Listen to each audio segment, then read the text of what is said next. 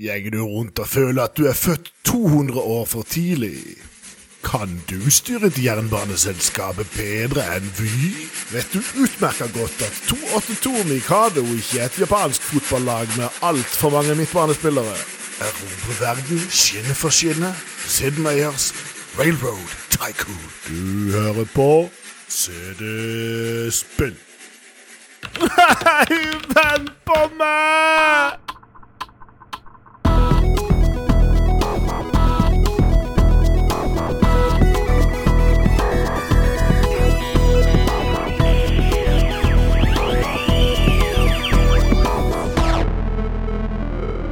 Velkommen tilbake til CD-spill, retrospillpodkasten som vi snakker om de gamle spillene på DOS-æraen. Eh, PC-spill som eh, ja, gjerne ble spilt på gamle CRT-skjermer i beige eh, interiør, og gjerne dunkel belysning eh, midt på sommeren fordi vi trakk ned gardinene. Det er ikke noe annerledes i dag. vi har blitt noen år eldre, men eh, ja, jeg liker, trives fortsatt godt foran eh, PC-en, så jeg gjør mye av det samme. Og til og med de gamle, gode gamle spillene er jeg innom fordi jeg eh, ja, elsker å titte tilbake på fortidens eh, spill. Det jeg gjør jeg heldigvis ikke alene, eh, og jeg har fått en eh, kompanjong i dag som, eh, fordi Sigve fortsatt er borte, som eh, dere kanskje har hørt eh, før, eller tidligere i år. Eh, Erlend Fiddan, er du med i dag? Hei, hei. Ja da. Jeg er klar for å snakke om, for å snakke om noen uh, timesuger. Veldig bra. Eh, hvis noen ikke helt husker når du var med sist, kan du gi dem en short eh, introduction? Jeg tror det var sist eh, det var snakk om en, eh, den samme utvikleren, Sid Meyer. Eh, Selv om kanskje ikke han var hovedutvikleren på Colonization, så var det iallfall Colonization jeg var med på sist. Stemmer. Da gjorde du en god rolle. Det er jo veldig hyggelig med sånne sørlendinger som eh, kan så mye, så vi har uh, dobla opp. Vi har, så har vi fått sånn eh, til sørlendinger som kan mye. Hvem er, hvem er nummer to? Ja, det er Joakim fra Spillhistorie, så glad for å være her. Det er jo helt topp. Nå blir jo jeg sikkert helt overkjørt av dere to kunnskapsrike sørlendinger som har en koseligere stemme og alt mulig enn meg, så vi får, jeg får prøve så godt jeg kan å henge med. Jeg tror det kommer til å gå veldig greit. Vi satser på det. Jeg tenker vi tar en bitte liten titt på forrige episode, som, eh, som det har kommet noen kommentarer på. Da snakka vi om juksekoder og cheats. Ja, Erlend, du har, hvem har du funnet fram først? Jeg har funnet fram X, eh, also known as Twitter. Yes. Eh, Der er det en velkjent kjenning som er kjent for alle kjennere. Og han heter Kisbjørn Thrypskau. Åh, er kanskje ikke en jukskode, men eh, man kunne vel trykke på T for å få kisene i IK Pluss til å miste buksene. Uvisst hvorfor. Og var faktisk ikke noe jeg visste om. Det hørtes litt gøy ut. Jo, Det kan det. en egen knapp til å få buksene. I alt virker det på Commodore 64 òg. Ah, jeg tipper det. Det virker iallfall på Amiga. Det, jeg tror uh, Spillhistorie sitt eh, Facebook eh, eh, Facebook-profilbilde, holdt jeg på å si, det tror jeg faktisk er folk eh, fra IK Pluss som har mista buksene. Og det er International Karate, er det det det står for? ikke det? Internasjonal karate pluss, ja. Fy søren, jeg har lært noe av spillhistorie. ja. jeg er Rett inn på Amiga-emulatoren og dra buksene av de tre etterpå. Så har han òg nevnt noe annet her. Var noe uforståelig lingo som jeg tror var referanser til TV-spill der. Men juksekoder var jo tidvis helt nødvendig. Eksempel evig tid i Prince of Persia, eller eh, som ellers bare varte en time. Og andre er jo nevnt i tidligere episoder, som Colonization og Transport Tycoon. Ja. Ja. Eh, ja, altså jeg har klart Hvis det kom mjukskoder i Prince of Persia, så jeg klarte den på en time, jeg. Det gjorde jeg flere ganger. Jeg tør kanskje tippe at eh, noen av dere også fikk det til på en time. Jeg har gjort det. Ja. Det, det føler jeg jo faktisk var en av de store bragdene mine. Sånn spill-livet mitt og klare okay. Prince of Persia på en time. Ja. Kult. Jeg kan si at jeg aldri kommer videre forbi de første piggene i gulvet der. Nei. ja. Nei, Jeg ser Prince of, vi kan, Prince of Persia kan vi si kanskje var det første speedrunning-spillet. Ja, det er sant. For det var jo Ja, det var jo om å få det, få det inn en time, og hvorfor ikke bare prøve hvor, hvor raskt du får det til. Det vil jeg tro, tror du har rett i. Det var det som lå på X. Ja, da tar jeg en titt på Facebook. Eh, Doom-koder, antar jeg. Eh, ja, for jeg skrev eh, hva betyr Eller Joakim skrev hva betyr IDDQD for deg på artikkelen på spillhistorie.no.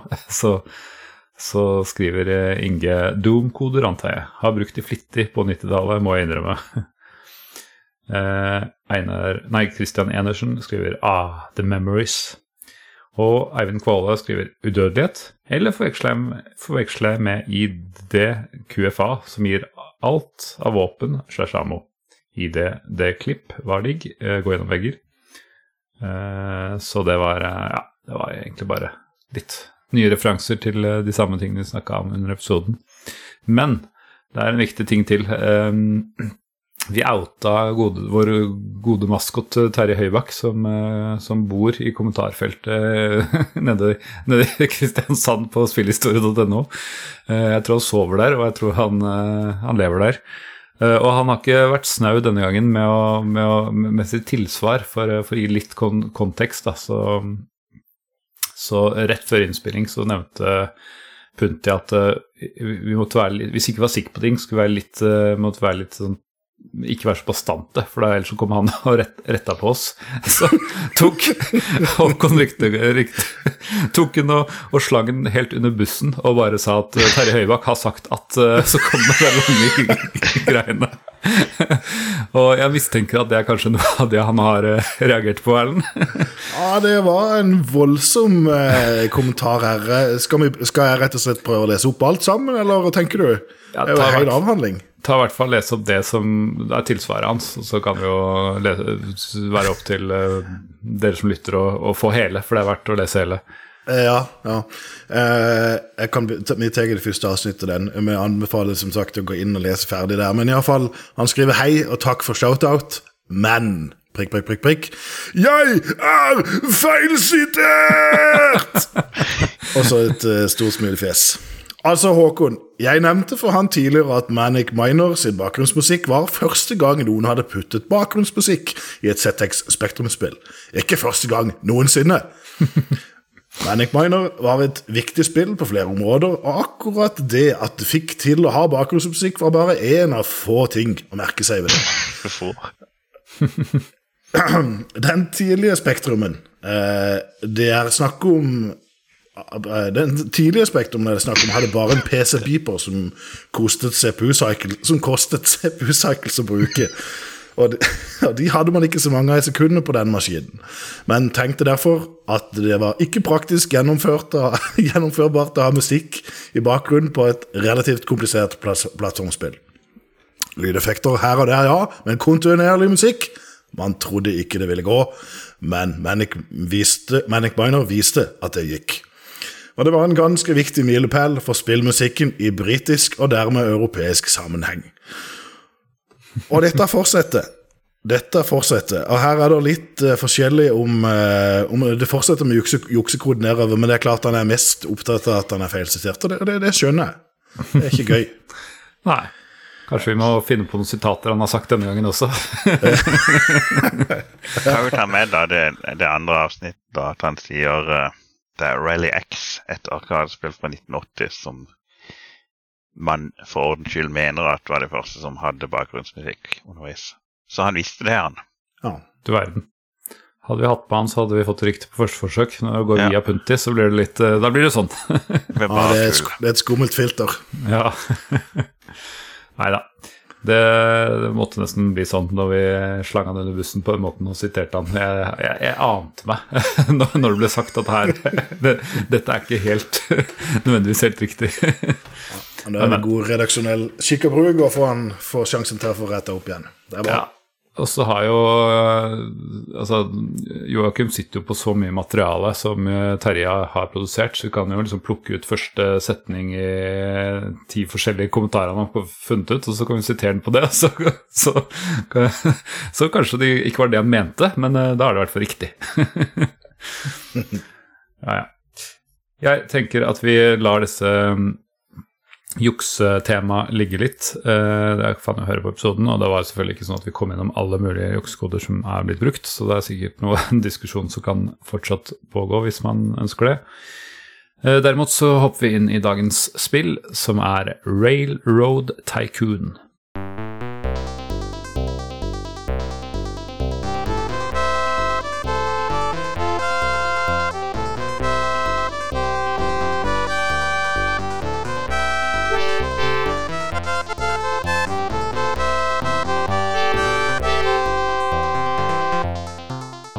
Kom eh, i 1990 til DOS. Eh, året etter tror jeg det var til Amiga eller andre plattformer, men eh, det spiller jo ingen rolle på denne podkasten. Det er DOS som teller.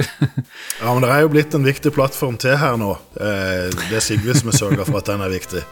Og den kom ikke før i 93. Du kan gitte hvilken plattform det var? FM Towns. Oh yeah. det er bra du har lest deg opp. Ja. Nei, men den kom ikke ut på Så vidt jeg vet, så kom ikke Railroad Tycoon ut på FM Towns heller, så da er det ikke relevant i dag. jo, jo, det står her på Bobby Games i hvert fall. Nei, er det sant? Ja, det er helt sant. Ja, da, det, og det er en japansk uh, tittel òg, det. Sett meg, ass. Er Herlig. Så, ja. Ja, da kan se var... Noen har gjort leksa av det. Det er så bra. Vi har vikarer som bare step up med en gang og bare fiks, fikser dette. Uttalen var for øvrig ikke helt som Japansk. Det er Terje Høvak som sa det, så ja, ja, stemmer. um, All right. Det var i hvert fall Microprose som ga ut dette. MPS Labs. Uh, jeg har ikke helt skjønt hvorfor de ut, altså, Som utvikler bruker de eh, noe, og utgiver bruker de noe annet. Det er jo Microsoft begge deler. Det er kanskje bare for å skille avdelingene. Eh, markedsavdelingen og utviklingsavdelingen eller noe sånt. Ja, jeg tipper det er det. Ja. Det er bare å skyte inn hvis dere har noe inside information, f.eks. Mm. Eller, det er jo ikke helt uvanlig at uh, man har flere interne studioer, da, så det kan jo, det kan jo tenkes de hadde det. Ja. De hadde det senere, iallfall. Ja, ja, absolutt.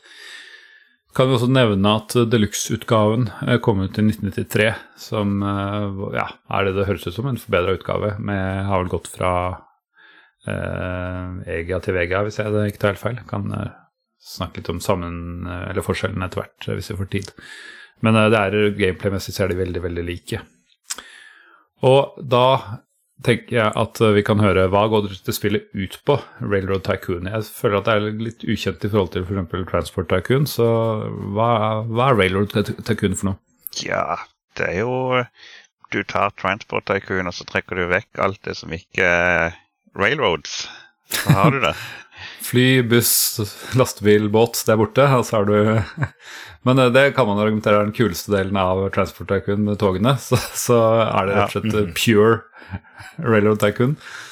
Ja, altså Det er jo sånn som de spillene at det, du skal prøve å tjene deg rik på eh, Frakte varer fra hit til dit ved hjelp av tog mm.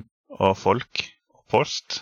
Og så um, Du begynner med et tomt kart, eller ikke et tomt kart. Det er jo det er fastsatt kart, men uh, byene og industri og sånt nå er tilfeldig. Så det at New York kan være storby den ene gangen du spiller, da, en sånn landsby den andre. Mm. Så må du bare begynne å se hvor kan jeg tjene penger her. Hvor er det, er det noen store byer som ligger nærme hverandre, som jeg kan putte en jernbanelinje mellom? Sette opp noe eh, transport av folk og poster. Og så er det kanskje noe industri der som du kan koble sammen. Mm. Og eh, det er Altså, jeg tipper vel at de fleste har spilt et spill som dette. Mm. Iallfall av CD-spillslyttere. Så, så det er basically Det meste du har i disse spillene i dag, det har du i Railroad Tycoon i mm. 1990. Bare at det er mye simplere på enkelte områder. Ja, det, det, er det der med å begynne uh, uten noen ting, bare med ei mm. bunke dollarsedler, og så begynne å bygge seg opp, som mm. man Selv om ikke det er samme greiene i Civilization, så er det eh, med i forhold til penger og sånne ting, så er det likevel det som gjør de spillene der så utrolig uh, jeg vet ikke, Du blir bare sugd inn i det, og det er vanskelig å, slutte med det. Og som i alle sånne spill så er det gøyest i starten, mens du ennå har kontroll ja. på det.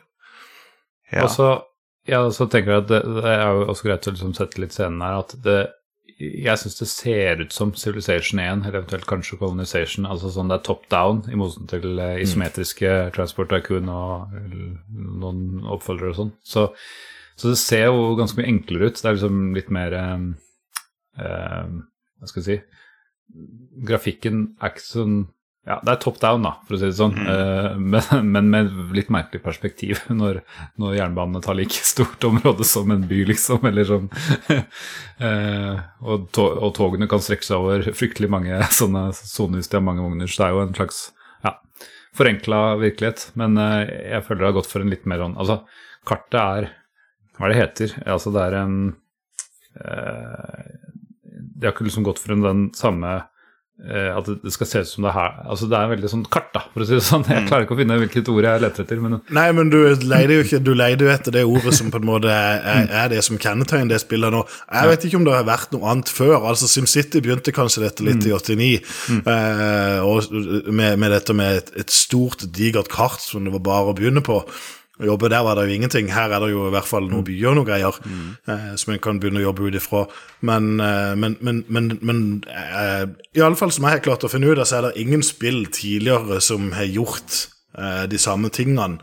Med det å både klare å kombinere strategi og økonomistyring, og så er det en skikkelig kul historisk intensitet i det òg.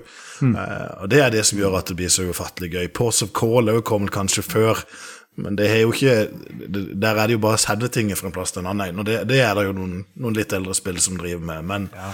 eh, men her er det Jeg vet ikke. Det helt, jeg syns det er meget fascinerende at det du får servert i dette spillet eh, fra starten av, er omtrent akkurat det samme som det du gjør i et helt moderne spill i akkurat den samme sjangeren. Det er mm. veldig lite av det grunnleggende som har forandra seg.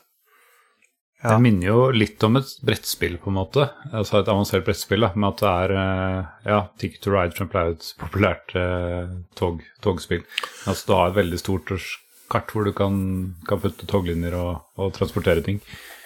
Men er det ikke egentlig var det ikke han, Det er jo to utviklere her, Joakim, du må hjelpe meg med navnene, det husker ikke jeg. Men var det ikke sånn at han an, andre ikke sitter med ja, men de er egentlig to stykker som driver mm. utviklinga på dette, og han andre var med og utvikla et, et togbrettspill som heter 1830, eller noe sånt? Jo, det er Bruce uh, Shelley som også da var, uh, var, var medskaper av Civilization. Mm. Ja.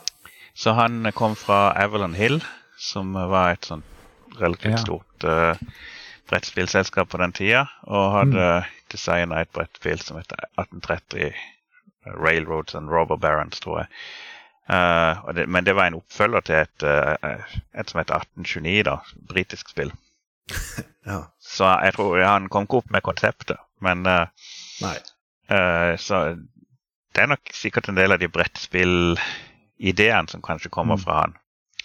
Uh, ja, for når vi sier, når, når nevner liksom 1829-1830, så er det jo må vi jo nevne det at spillet starter jo i, på den tida. Altså Du begynner Hvis du spiller i Amerika, eh, på østkysten i Amerika, så begynner du i 1830 med de enkleste mm. togene de hadde der, eller lokomotivene de hadde der. Og hvis du begynner Var det 1829 de begynte i England?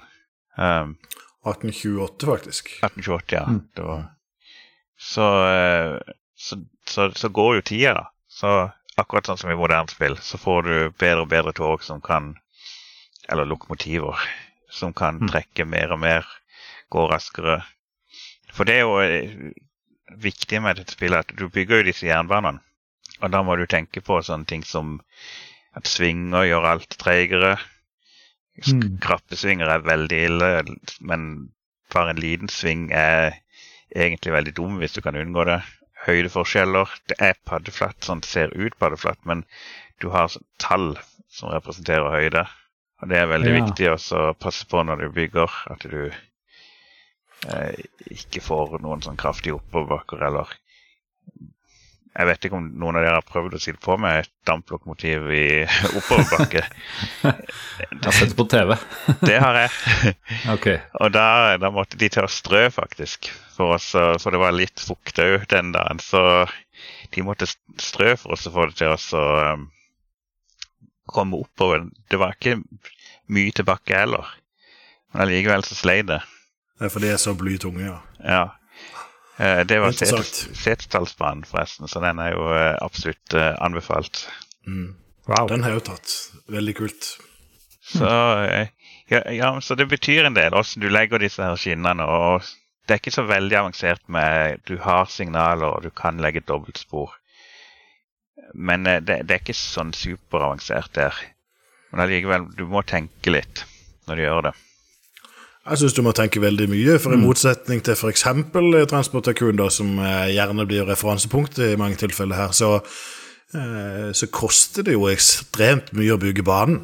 Altså Det er ganske billig å bygge banetransportakun, men her er det galan dyrt hvis du dummer deg ut. Nå kan du selge det igjen, da, men du kan liksom ikke begynne med å bygge bane fra eh, Indianapolis til Los Angeles, sånn som du ville ha gjort i andre spill, for å på en måte bare få en en, en, en god inntjening på en lang bane først. Det er riktignok lengde lengden, lengden på banen og lengden på frakt. Frakten spiller inn for hvor mye du tjener på ting her òg, men det er for dyrt å bygge. Så du, som Joakim var inne på, det første du gjør, er å se deg rundt etter to store byer.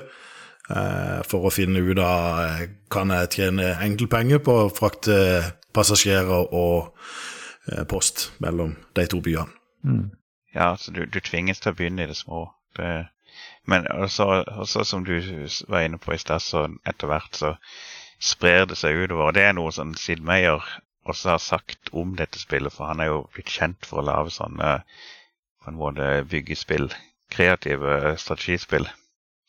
Og det han har sagt om dette, er at det var det første spillet jeg lagde der man fikk en dramatisk utvikling fra start, starten av spillet til slutten. Starten hadde Ja. i praksis ingenting, eller to stasjoner og en bitte liten jernbane. Men mot slutten kunne du se ned på dette massive edderkoppnettet av togbaner og si 'jeg lagde dette'. Og det, det er jo derfor vi spiller disse spillene. Mm. Helt rett. Ja, det er sant. Det er et godt poeng, faktisk. For eh, ja, apropos Sid Meier, han, dette var andre spillet han med hans navn i fått følge ut. For uh, Sid Meier Pirates var første, dag, det det, Joakim? Mm. Ja. Så, og der er det jo ikke sånn at du det, det er et mye enklere spill sånn sett. Ja, Men, Han hadde eh, lagd strategispill også før. Ja. Eh, riktig. sånn, krigsspill. Men eh, også var det vel noe diverse simulatorer og sånt, men de hadde han jo ikke navnet sitt på. Nei. Nei, men altså, det er jo et godt poeng at du bygger det opp, og det er jo ofte det som er eh, veldig gøy. Men eh, samtidig så er det jo det er noe veldig mye enklere i starten, når du bare har eh, la oss si tre byer da, som du pendler noen tog mellom. Eh, og så blir det fryktelig avansert når du begynner å spre det utover. Det, det gjør det, og det, det er kanskje der det felte meg litt nå når jeg skulle spille det igjen nå. Jeg husker at Første gang jeg spilte et spillet, så tippa jeg at jeg var sju eller åtte år gammel. Eh, og det gleden for meg med dette da var selvfølgelig bygge skapergleden, som på mange måter et barn i dag kunne sammenligne med Minecraft, vil jeg tro. Eh, Fordi at du lager noe ifra bonden da, på en måte. Og så i tillegg så han jeg spilte dette spillet mest sammen med, han var en ufattelig togentusiast. Han, sånn, han løp opp på brua her, på togbrua, for å, da visste han at eh, det NSB-toget med det serienummeret kom eh, på det tidspunktet, så skulle han bare sjekke at det stemte, liksom. Wow! Så det, det, det, var, det var sånn det gikk. Så når vi liksom lærte dere litt om disse tidlige togene og det, så skjønte jeg jo Jeg tror ikke vi visste det med sikkerhet, men, men det er jo òg noe som er kult. at jeg er ikke sikker på om alle togene er 100% autentiske, men iallfall eh, så er det i etterligning av ting som er autentiske. Og Det var her jeg lærte meg, det var dette spillet som lærte meg hva de tallene eh, foran togene betyr. Eksempel eh, der du har de to første togene, så kommer det jo den som heter eh, skal vi si, Grasshopper, heter iallfall det første. Eh, og så er det en som heter John Bull òg. Og det, John Bull står 2-4-0 eh, foran. For meg så høres det ut som en eh, fotballformasjon med mangler. Eh, men jeg lærte meg i den alderen at det, hva de tallene egentlig betydde. Og da sparker ballen over til dere, er noen av dere som vet det. Jeg, jeg husker at jeg lærte det en gang, ja, men jeg husker det ikke nå, så Det, er, det her med, det her med, med hjulene som de er plassert på toget. Så Ja, det, det første, første Det er to, altså det er eh, John Bulls tilfelle her, da. Eh, Så det er totallet først. Det refererer til de ledende hjulene, altså de som er eh, brukes til å styre da på lokomotivet. Og det andre eh, tallet, det er selve drivhjulene, de som drar det rundt. Eh, og det bakerste er bærende hjul. så Hvis du har som eksempel støtter opp om eh, vekta på ildkammeret på baksida av lokomotivet, lokomotivet, og da så i dette tilfellet så har du to 4-0, så betyr det at lokomotivet har to ledende hjul, det har fire drivhjul og ingen bærende hjul. Og det er en sånn noe alle togkjennere vet, forsto jeg etter hvert. Ja. Ja, stemmer det. Nei, jeg har jo, har jo lært det, men det, jeg er tydeligvis ikke tognerd nok til å ha den informasjonen satt. Men det er kult å få en oppfriskning. Ja.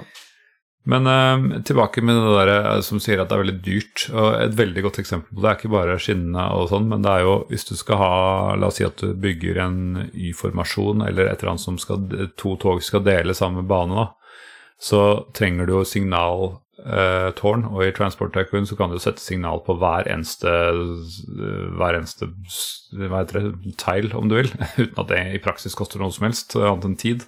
Men, men uh, her koster det jo liksom, Er det 25 000 dollar, eller altså Det koster i hvert fall ganske mye, da, av mm. lite budsjett, hvis du skal sette opp et sånt signal midt, midtveis på, for at liksom, togene kan kan dele infrastruktur. Så det, du skal tenke deg om hvor du legger disse banene. Du skal planlegge godt for å ikke kaste bort pengene. Helt rett. Mm. Og det er jo ja. også sånn vareflyt eh, er jo også vanskelig, fordi det er ikke alltid Ja, det er jo sånn som med mange andre spill, men det er liksom ikke eh, det er ikke alltid at du kan frakte ting i begge retninger, og det er ikke alle stasjoner som tar imot eh, alt det du nødvendigvis har med deg. og sånn, altså skal, Det er veldig mange ting du bør gjøre opp Altså du bør tenke på før du bygger noe som helst. Ja, altså det, Når det kommer til industri, så er det vel typisk noe som lager uh, råvarer, og så mm. kan du få det om til noe som heter goods. Mm. Og så kan du selge det i byen. Så enten er det, altså er det bare produseres det manufactured goods uh, sånn i utgangspunktet fra fabrikkene. Ja. Men uh, det er det er litt merkelig Jeg vet ikke hvorfor de har gjort det sånn, men det er noen uh, type bygninger Eller du har to typer bytiles.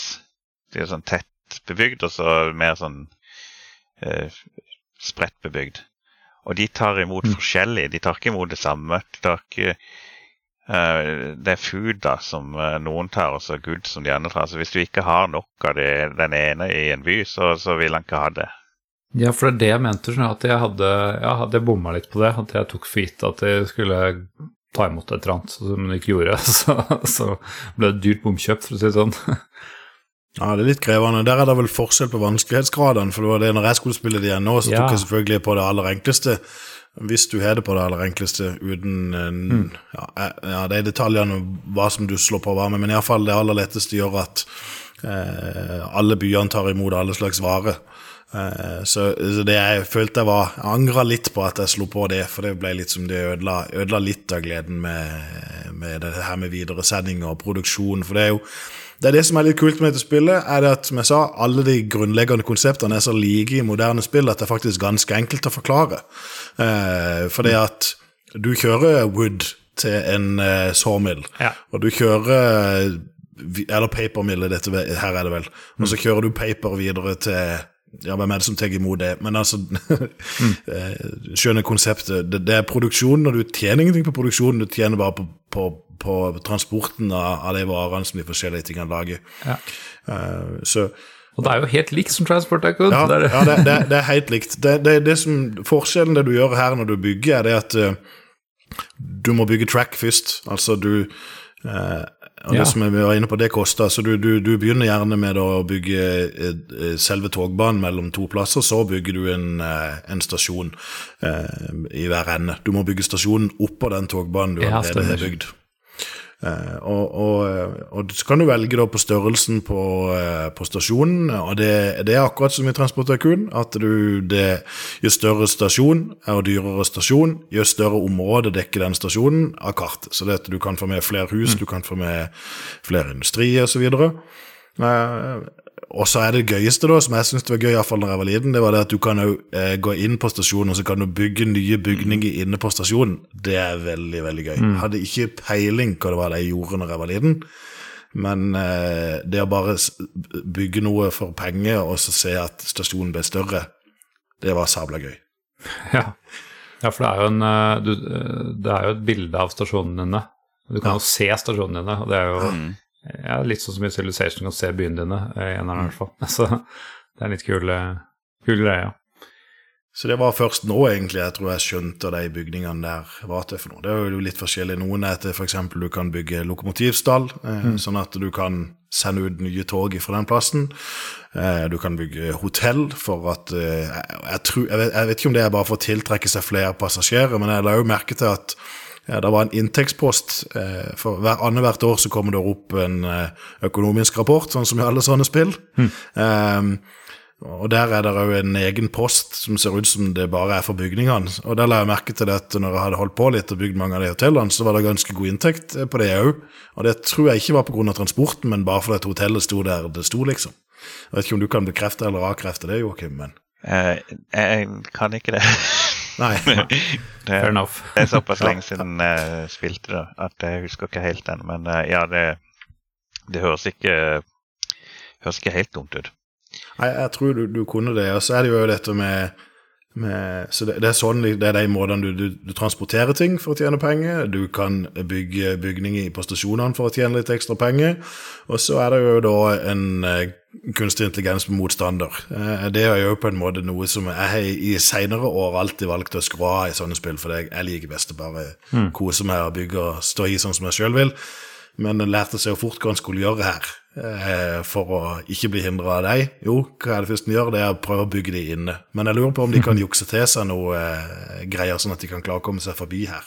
Det, det skal jeg være litt usikker på, men i alle fall, det kan skje med deg sjøl òg. Da er det ingen utvei. Hvis du blir bygd inne av, av, av motstanderen, så er du ferdig. Da kommer du deg ikke ut av det området. Ja, for det er en sånn Hvis vi skal si noen svakheter med det spillet, så er det at uh, du kan ikke bare si at nei vel, nå skal jeg prøve å bygge en uh, Koble sammen Los Angeles og San Francisco istedenfor uh, disse andre byene jeg har. Du må, alt må være connecta når Ja. du først har begynt.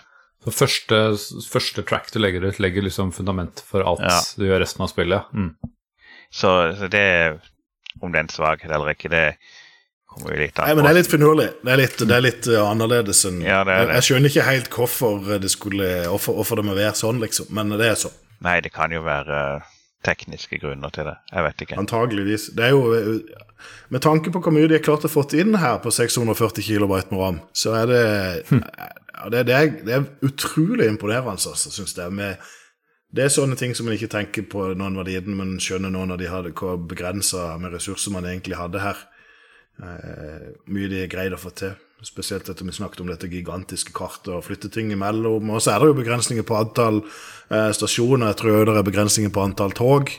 Eh, og den er ikke sånn superhøy, men jeg skal innrømme at jeg mista kontrollen lenge før jeg var kommet til det punktet uansett.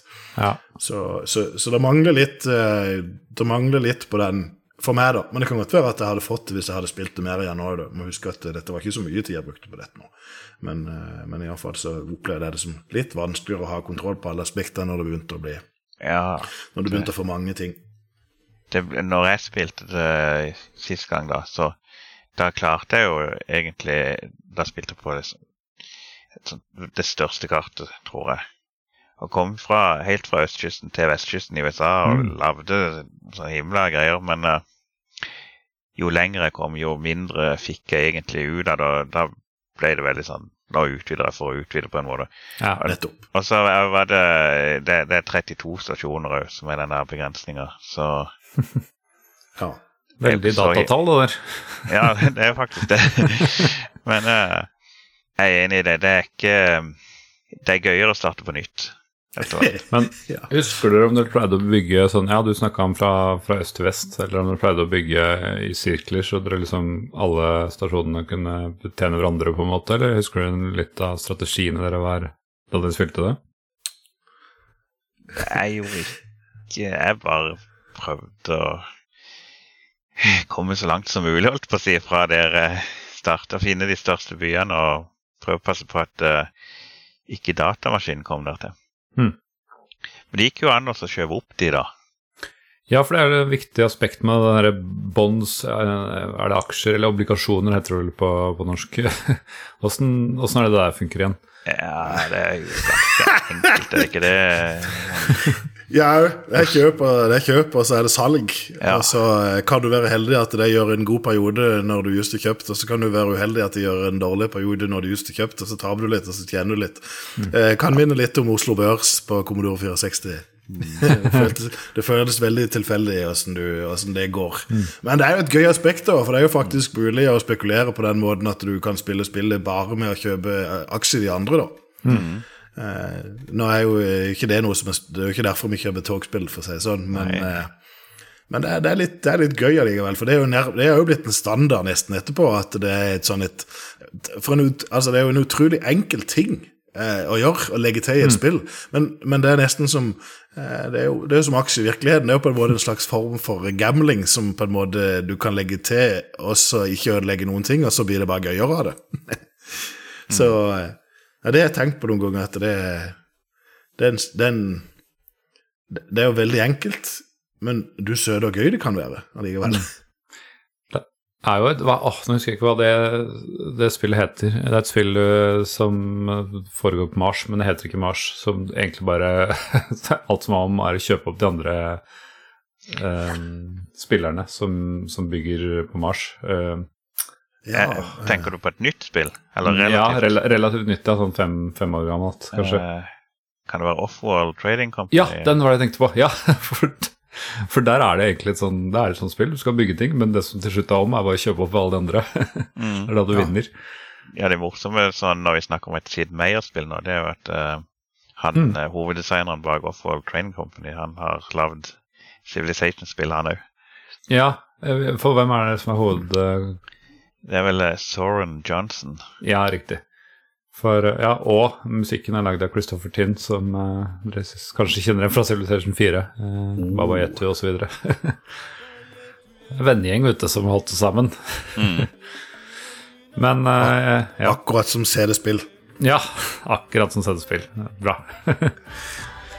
men ok, tilbake til uh, Jo, men, men aksjen, ja, for det er jo sånn derre um, at verdien av aksjene endrer seg jo, og så splittes de i flere aksjer. Jeg driver ikke med aksjer på, på, på, på egen hånd, men det, det er jo det er ganske mye aspekter med, Det er mer aspekter enn bare å kjøpe, kjøpe ti ganger eller selge ti ganger, så er du, er du ferdig, liksom.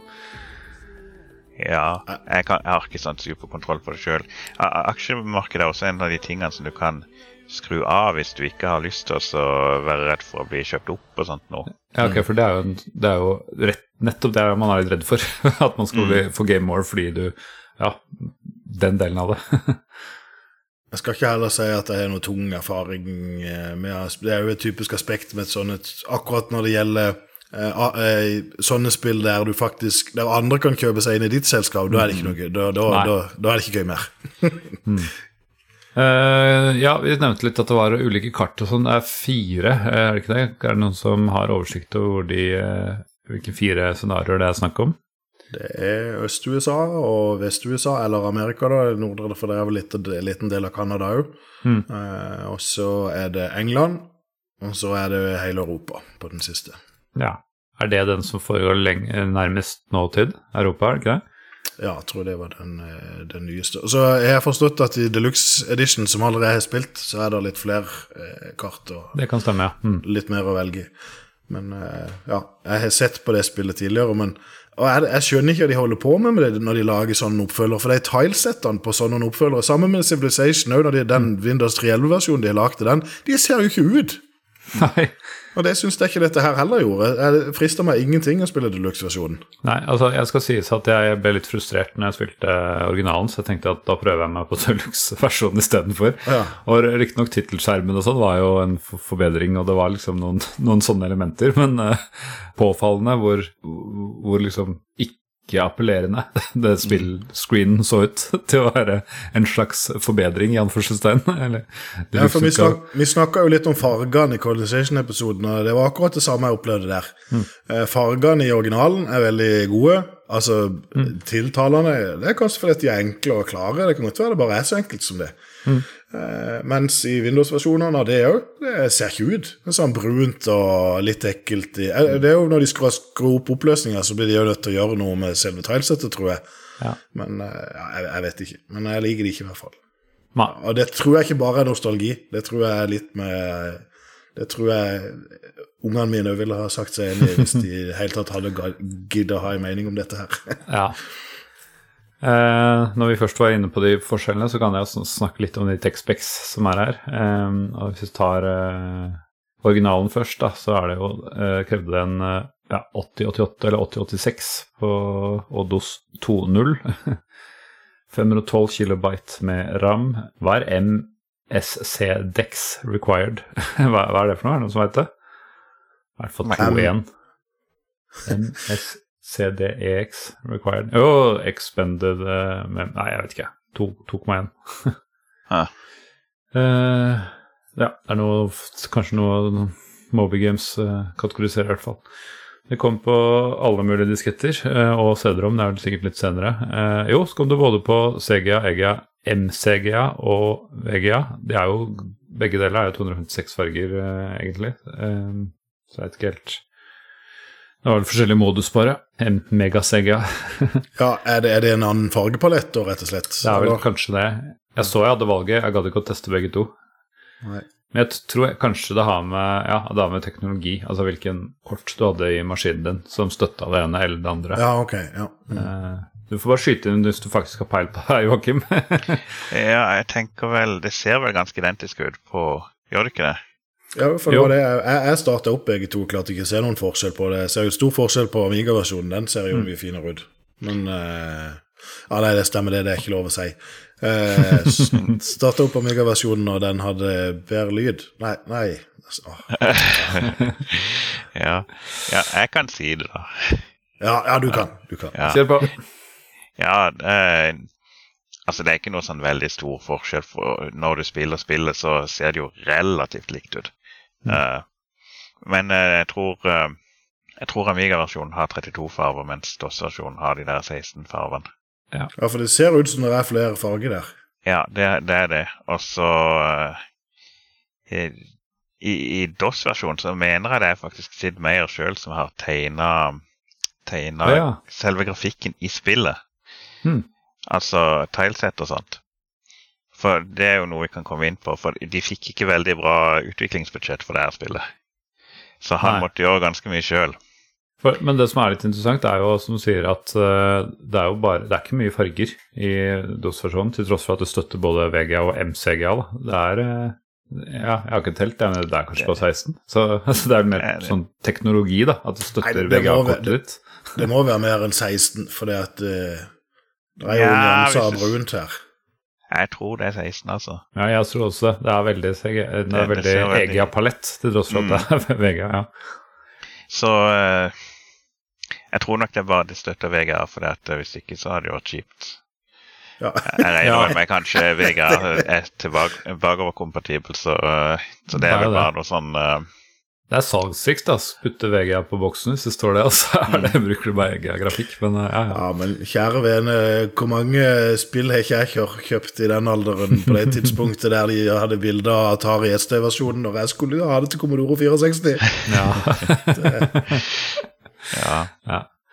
Kan fort også nevne at uh, lydkort så er det Adlib som uh, var det jeg tror jeg brukte. Kanskje jeg brukte PC-speaker òg, da første gang jeg spilte. Uh, Roland MT32, som bare er helt myteomspunnet, som jeg ikke kan noen ting om. Og Tandy PC Junior var det. Altså, bare for å kjapt gå gjennom deluxe-utgaven, så er det egentlig litt med høyere krav. For det skal gjøre en 386 DOS 5 640 KB ram. Eh, fortsatt det derre MCDX, som jeg ikke vet hva er, eh, som er to igjen. Uh, VGA står det at støttes der, og det er en haug med nye lydkort. Altså Soundblaster 16 og Pro og ja, alt du forventer i 1993. Så kan jeg jo si da at Amiga-versjonen den, den, var jo ikke lydkort der, da, men den har sampla lyd. For sånn uh, Du hører togbjeller, og du hører uh, choo-choo. Mm. ja. Så uh, den er vel litt mer uh, fancy da enn uh, PC-versjonen. Jeg tro. Den originale PC-versjonen, iallfall. Ja. Det er noen samples på den samlaste-varianten. Uh, jeg skvatt litt, for det var akkurat når introskjermen opening credits var, så var det et eller annet noe som sa noe sånn Oi. to go, eller jeg husker ikke hva det var. Det var en eller annen sånn der, typisk sånn dørene lukkes-togfrase, bare at det ikke var det, selvfølgelig. Var det Um, deluxe-versjonen? Ja. Ja. ja, det har de sikkert putta inn noe eh. ja. Jeg, jeg opplevde, jeg har testa den så vidt. Jeg følte liksom det var bare det samme spillet, men mye treigere. Ja, for det kan vi jo snakke om en gang. Altså, Ting er så treigt. Altså, du, du, skal flytte kartet litt, og så er det en sånn fade-effekt som i utgangspunktet ser kul ut. Det var vel kanskje det i Civilization òg, men i hvert fall på min DOS-boks bare så tar det tid bare å flytte kartet fra et sted til et annet. Så det var ganske frustrerende. Jeg vet ikke om dere opplevde det sånn? det? Jo, eh, jeg spilte det veldig lite på grunn av jeg syns det var Ja. Men da hadde jeg jo spilt eh, originalen ganske mye, da, så jeg var litt lei av hele Mm. konseptet òg. Ja, men jeg syns originalen også er treg. Eh, I hvert fall treg. Ja, han er, han er jo det. I dagenes målestokk så er jeg jo enig. Ja. Mm. Men eh, du har jo mulighet til å endre ganske mye på det. da. Jeg stoppa det jo veldig ofte opp når jeg skulle bygge, for når jeg endelig hadde litt penger igjen, så ville jeg stoppe spillet så ikke det løp ifra meg, liksom. Så eh, jeg tror ikke jeg har spilt noen spill, sånne Sid Meier-spill Ja, ja, de andre er jo turbaserte, da, så. Så det blir jo mye stopp i deg. Men iallfall, så gjorde jeg det. Men jeg sjekka opp den der eh, MSCDX, står for Microsoft CD-ROM Extensions. Og var nødvendig for at MS-DOS-systemer skulle få tilgang til et CD-ROM-drev. Ok. Men, Så ok, så da er det CD-versjonen da, men det var jo åpenbart at det må ha kommet etterpå. Fordi ja, det var egentlig litt rart, for det var vel ikke så mye CD-rom i drift under eh, 8086, eh, 8088-perioden. Nei, Nei. Det det var en re-release, da. ja, det passer vel på en, diskett diskett, dette spillet. Sannsynligvis. Jeg husker iallfall jeg hadde det på én diskett. Det var, jeg, jeg så en veldig interessant eh, dokumentar, eller sånn, det var egentlig en podkast og en artikkel, som prata om hva var det første CD-romspillet. Liksom, var det Myst, eller var det Seven Guest, eller eh, altså, Som gravde dypt i det her. Eh, Veldig fascinerende historie. Jeg husker ikke akkurat hva den het nå, men jeg kan linke den i, i beskrivelsen her. eh, Og eventuelt inn til eh, Joakim, så han kan skrive nevne det i artikkelen. Men det, det anbefaler jeg faktisk, og det var ganske kort og konsis, men det, det er liksom vanskelig å definere hva som er, først, bare fordi eh, ja, på et eller annet tidspunkt så har, man en CD med et eller annet på, så hva, hva vil du si at det er kriteriet for at det er et CD-romspill? Så en morsom dypdykkhistorie. Uh, ja, tilbake til Trend, nei, Railroad Tycoon. Er det noen av disse lokomotivene dere liksom fikk som favoritter, eller sånn, dere som endelig har den unlocka? Er, er det sånn at dere husker det så godt? Jeg, jeg er jo ikke det, det skal jeg innrømme, men uh, hvis det er noen som har noen minne fra noen av dem, så kjør på. Det eneste jeg husker, det er jo der Consolidation, var det ikke det? Som heter det. Jeg tror det var et sånt uh, mot slutten av, eller midten til slutten av 1800-tallet som kan være blanda med et annet spill òg. Nei, jeg, jeg, jeg følte jo at du minner meg på noe der. Men eh, vi glemmer jo noe som er litt gøyalt nå, som ikke vi har sagt om spillet, i forhold til akkurat togene. Og det var at togene var jo copy protection. Ja. Eh, så når du starter opp spillet, så får du bilde av et tog, og så må du vite hva det heter for noe for at du skal klare å komme videre på det. En sånn EGA-utgave av et tog. Ja, men eh, det var, jeg synes det, det var jo måten jeg lærte det på. Så enkelt var det faktisk. Jeg er ganske sikker på at jeg hadde en crack-aversjon, skal jeg innrømme. Men eh, jeg, ellers lærte jeg meg det òg, men jeg kan ikke nå lenger. Ja, jeg hadde jo en kopi av det, men der, der måtte vi velge riktig likevel, for jeg husker jeg satt mange ganger med det før jeg kom inn på spillet ofte. Men etter hvert så lærte jeg det jo. Ja, ja for altså, Men fasiten står jo i manualen, selvfølgelig. Ja, ja det gjør det. Manualen er jo eh, fantastisk. Den er jo på Snakk om manual, altså! nærmere 200 sider. Og det handler jo like mye om togene, eller jernbanens utvikling og Ja. historie som det handler om selve spillet. Det er jo helt fantastisk. Det er skrevet, han er skrevet av Bruce Shelley, da. Så ja, han var en tognerd. åpenbart. Ja, for det Som, det er jo som vanlig når Ja, det er snakk om ja. Sid Meier sine spill. Ja. Det er helt sykt. Mm. Jeg- Så jeg lærte jo masse om indianerhistorie og stammer under colonization-manualen òg, så jeg er jo ikke overraska, men ja. Nei, det, det er stilig at, de, at det legger så mye arbeid ned i noe som vi bare totalt neglisjerer i dag. Mm. Så, Ja. jeg Det er veldig Det- det- synd åssen det har blitt sånn sett. Ja, det, ja, det er det.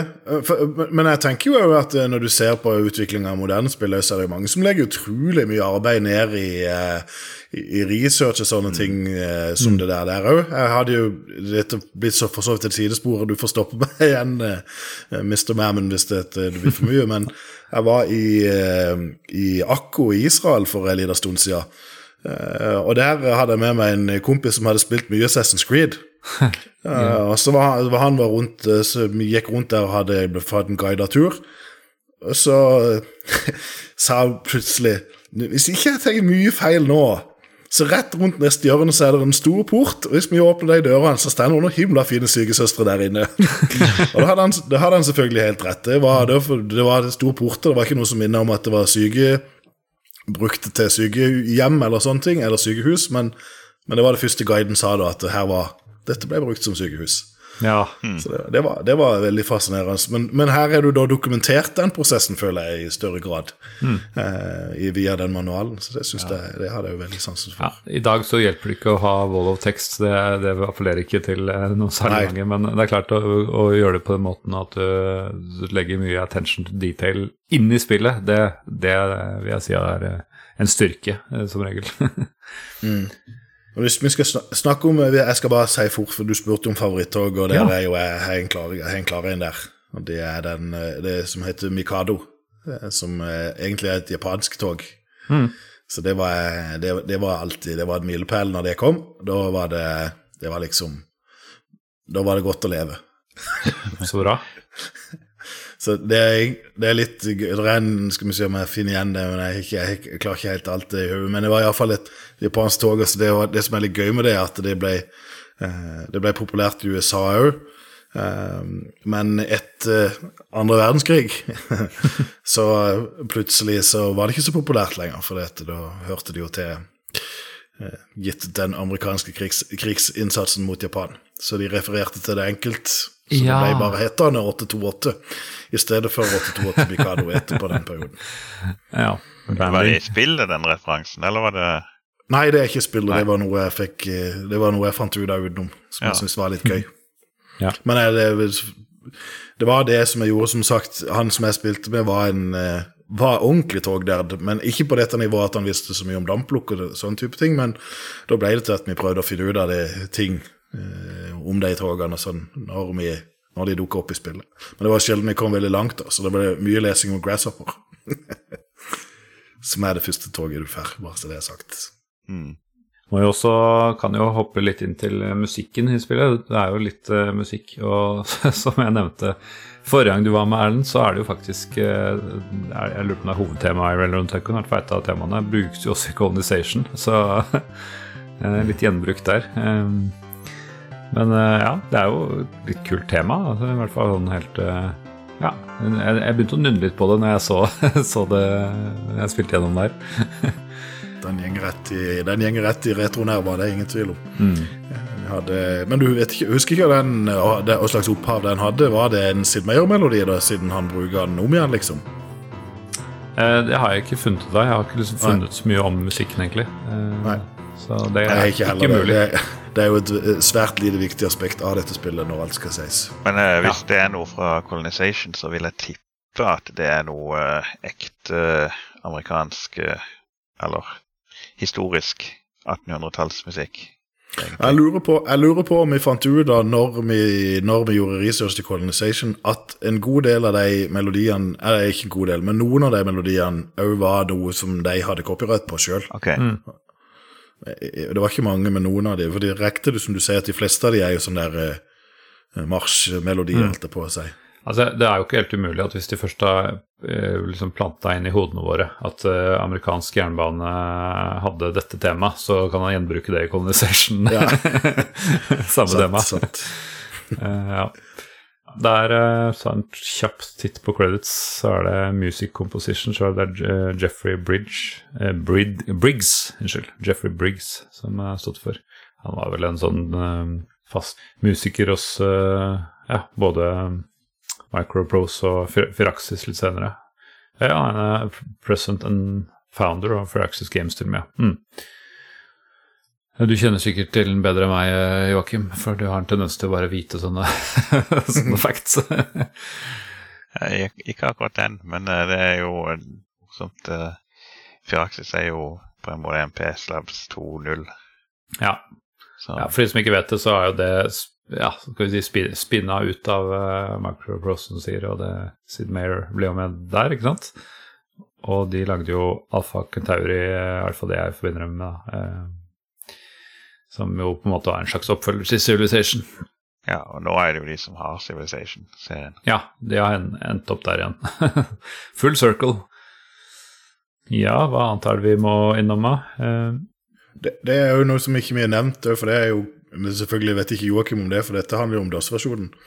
eh, men der kan du faktisk, når du starter spillet, så kan du velge å ikke bruke mus. Altså, Det var i en periode der det ikke var Ja. alle som hadde mus til PC-en sin. Eh, og det prøvde jeg å spille litt med, og det fungerte overraskende godt. ja. For det at eh, du Men det er jo sånn, hvis du er programmerer, og alle som vet jo det, altså alt du kan gjøre med hendene, eller med, med hendene Alt du kan gjøre med tastaturet, det gjenger jo fortest. ja. Eh, Så når du er blitt vant med å bruke de og bruke de kommandoene, det, så var det var utrolig intuitivt, egentlig. sånn.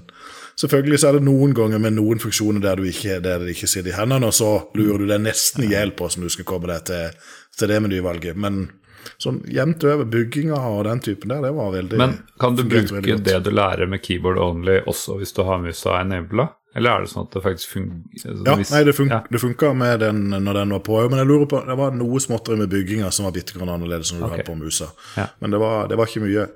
Eh, og grunnen til at jeg gjorde det, det var fordi at jeg fikk ikke Jeg, jeg skjønte ikke hva som skulle bygge i starten. For du, da må du bruke numpaden, ikke sant. Mm. Det var jo det var jeg jo heller ikke kjent med.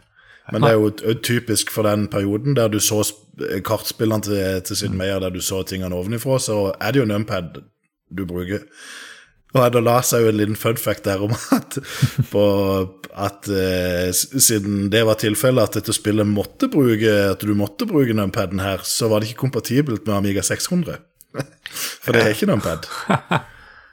Jeg spilte det først på Amiga 600. Gjorde du det? Ja, Dette la seg på Mobile men, eh, men uh, altså du kunne velge der også om du skulle spille med mus og eh, tastatur eller bare tastatur.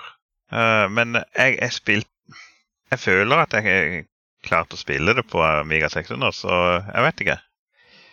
Uh, jeg var aldri noe flink i det. Nei, som sagt, jeg har aldri spilt det på Amiga sjøl, så jeg kan ikke spare for det. Så hvis det er det du har spilt det først, så da må vi legge inn ei klage her. Ja, eh, det kan godt være at det var et eller annet som ikke funka der, men jeg mener da at jeg har fått til å bygge jernbaner og få tog frem og tilbake på 600 nå. Det høres jo litt rart ut at ikke det skulle fungere, men ja ja.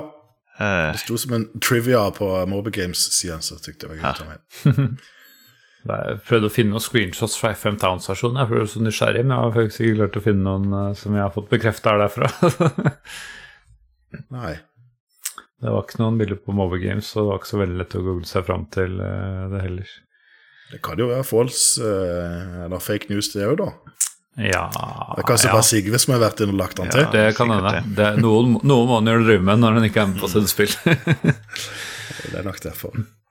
Men eh, Joakim, du, du har en tendens til å vite mye om Sid Mayer og, og utvikling og sånn. Har, du har du noen memoarer å dele som For eh, jeg har hørt rykter om at du har lest en bok om eh, Sid Meyers memoarer. Eh, Du har faktisk skrevet om på spillhistorie før òg. Og jeg har ennå ikke fått tid til å lese den, men du har vel titta litt i den, har du ikke det? jo da, og det er en bok som jeg vil anbefale alle som har bare bitte grann interesse egentlig av PC-spill eller spill generelt, for det er en sabla gøy bok, egentlig. Mye gull i den, og, og velskrevet. Eh, men ja, det er et kapittel om eh, Railroad Tycoon òg.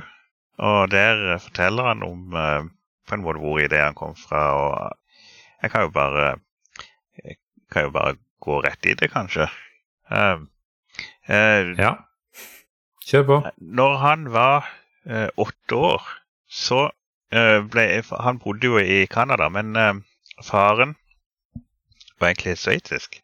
Så, eh, så når han var åtte år, så reiste han til Sveits helt alene. Og var der eh, rett og slett eh, over et halvt år, forsto jeg det. hos besteforeldrene og resten av familien i Sveits. Han har faktisk så Egentlig skulle han bare være der sommeren, men så trivdes han så godt der at han ba om å få lov til å være lenger. Og så, gikk han på skole et semester eller et halvår der. Så faktisk ønska han å være det enda lenger, men det fikk han ikke lov til. uansett så var det sånn at den eiendommen han bodde på der, den var rett med en toglinje, eller jernbane. Og like unna så var det en stasjon, og han elska å gå til den stasjonen og bare følge med på klokka og så se når de forskjellige togene skulle komme. Så egentlig akkurat sånn som kameraten uh, han, Det skal jeg si til han. Da blir ja, han fornøyd. Han fulgte med på det, og så etter hvert så fikk han litt sånn tabell over hele rutenettverket. Fordi togene gikk jo langt. Uh, unna. og sånt. Så han så for seg i hodet sitt hvor de forskjellige eh, togene var til enhver tid. Og så liksom bare venta han, eh, så visste han liksom nå kommer det toget her til. Så han syns det hele det konseptet med, med, med, sånne togruter, og at de som hadde liksom designa denne ruteplanen, det var så himla glupt. Det var noe som fascinerte han vanvittig. da. Uh, og det var tydeligvis noe som han beholdt når han kom hjem da til Amerika, så, så hadde han da denne toginteressen, og de bygde modelljernbane, han og faren, i stua. Uh, men det, det syntes han ble litt kjedelig, da, så fordi at han måtte legge sporene manuelt med masse sånn pirkearbeid. og uh, Han var mye mer interessert i togene og rutene da, istedenfor selve bygginga. Hvor gammel var han når han var i Sveits? Han var åtte år når han var i Sveits. Åtte år, ja. Så eh, ja, han er jo født i 1954, så han må, det må ha vært tidlig på 60-tallet, da. 62 mm. eller Så en av fun facta, hvis jeg skal bare gå enda lenger inn på det, var at når han kom tilbake til USA, så hadde han glemt å snakke eh, Glemt hvordan han skulle snakke engelsk eller eh, amerikansk. Ja, altså. Eller han var vel egentlig Canada han bodde i. så han måtte ta flere uker på å lære seg språket igjen. Wow. Man bare snakker sveits. mm. Men iallfall så mange mange år senere så har han styrt med et spill som heter Covert Action. Uh, ja. Et uh, spionspill som ja, Det har du skrevet om, har du ikke det? Jeg har vært innom det. Det er et ja. spill som uh, Ja, jeg vet ikke om det, det er en samling minispill, på en måte. Ja, jeg lurer på om jeg har vært borti det selv, men jeg husker ikke så mye av det. Men uh, anyways, ja. Uansett så var eh, det Utviklinga av det spillet gikk dritdårlig, egentlig. Og han var mm. ordentlig lei. Så en dag så begynte han bare å prototype noe annet, og det ble en sånn uh, jernbane-playbox, holdt på å si, sandkasse. Som uh, egentlig tanken var at det, det der modelljernbanen som han holdt på med Mm. Konseptet der var jo gøy, men det var så himla kjedelig å gjøre det. Så hva om du kunne bare bruke PC-en til å gjøre det? På noen minutter, liksom. Uh, så jeg er litt usikker på akkurat åssen For, det, for det, selvbiografien hans sin, sier han én ting, og så har han sagt litt andre ting tidligere. Ja, ja. Men uh, iallfall så hadde han uh, med seg PC-en på en ferie med familien. Hvor han bare jobba helt vilt med prototyper istedenfor å bade. Han sier faktisk han hadde PC-en med på stranda, men eh, det må jo være en overdrivelse. Var en svær PC, det var ikke en bærbar. Så jeg kan ikke helt Nei, uh, Mentalt var han med. mentalt var han iallfall med. Så han, ja. når han kom hjem fra den, så hadde han en uh, bra prototype da, på en måte som da, la grunnlaget for uh, spillet. Det viste han da til han Bruce Shelley, og så begynte kom Shelly med masse ideer, for han var jo som sagt litt sånn tognerd. Og hadde litt sånn erfaring med det der eh, 1830 som han hadde lagd. Så mm. da fant de ut at uh, dette var omtrent samtidig med at uh, Will Wright lanserte sitt SimCity. Så uh, ja, ja. da var det litt sånn Ja, det går an å lage sånne spill som du bygger ting istedenfor å ødelegge ting, og det går an å selge de. Mm da fant de ut det, det hadde de veldig lyst til. Det to var ganske vanskelig å uh, på en måte overtale ledelsen i Microprose, for uh, han uh, sjefen Bill Steely han var veldig overbevist om at Covert Action kom til å bli en ordentlig suksess. Men uh, til slutt så, ja vel Sid Meyer hadde en veldig spesiell rolle i det selskapet siden han var med å grunnlegge det. Så han fikk liksom Han fikk vilja si. Han fikk lov til å lage det, men han fikk bare Var det seks måneder på det? Han fikk bare med seg Bruce Shelley og én eh, til å lage grafikk. Det var Max Remington, het han. Så det var et eh, team på tre stykker som lagde stort sett hele spillet wow. på, på, på, seks måneder. Tenk å lage noe så eh, ufattelig Altså, det har inspirert alt som er kommet etterpå. Og så har de brukt så lite tid på det, egentlig. Mm. Det, det er fascinerende. Ja, det er men det, han og uh, Bruce Shelley var et veldig godt team. Ja, det er tydelig. Det er sånn, Han programmerte. Uh, når han var ferdig med å programmere for dagen, så la han liksom en diskett med det han hadde gjort, på pulten til Shelley. Og dagen etterpå så hadde Shelley masse notater om ting som funka, og ting som ikke funka. Og, og, så diskuterte de det, og så fortsatte mer å programmere. og så, Sånn gikk det egentlig hver dag. Uh, Meyer har jo sagt at Shelly var veldig flink til å fikse ideer. Altså, Meyer ja. hadde ideene, men så var de kanskje ikke så gode, eller uh, Ideen var god, men uh, tanken hans ja. var litt sånn Ja, kanskje ja, Måtte kanskje ikke det litt, liksom. Ja. Uh, så Shelly var veldig flink til å finne liksom det grunnleggende som var bra med ideen, og så bygge på det. Mm. Så, eh, så der, jeg tror det gikk veldig fort, sånn sett, fordi at de, de var de to som snakka sammen hele tida og bare jobba veldig effektivt.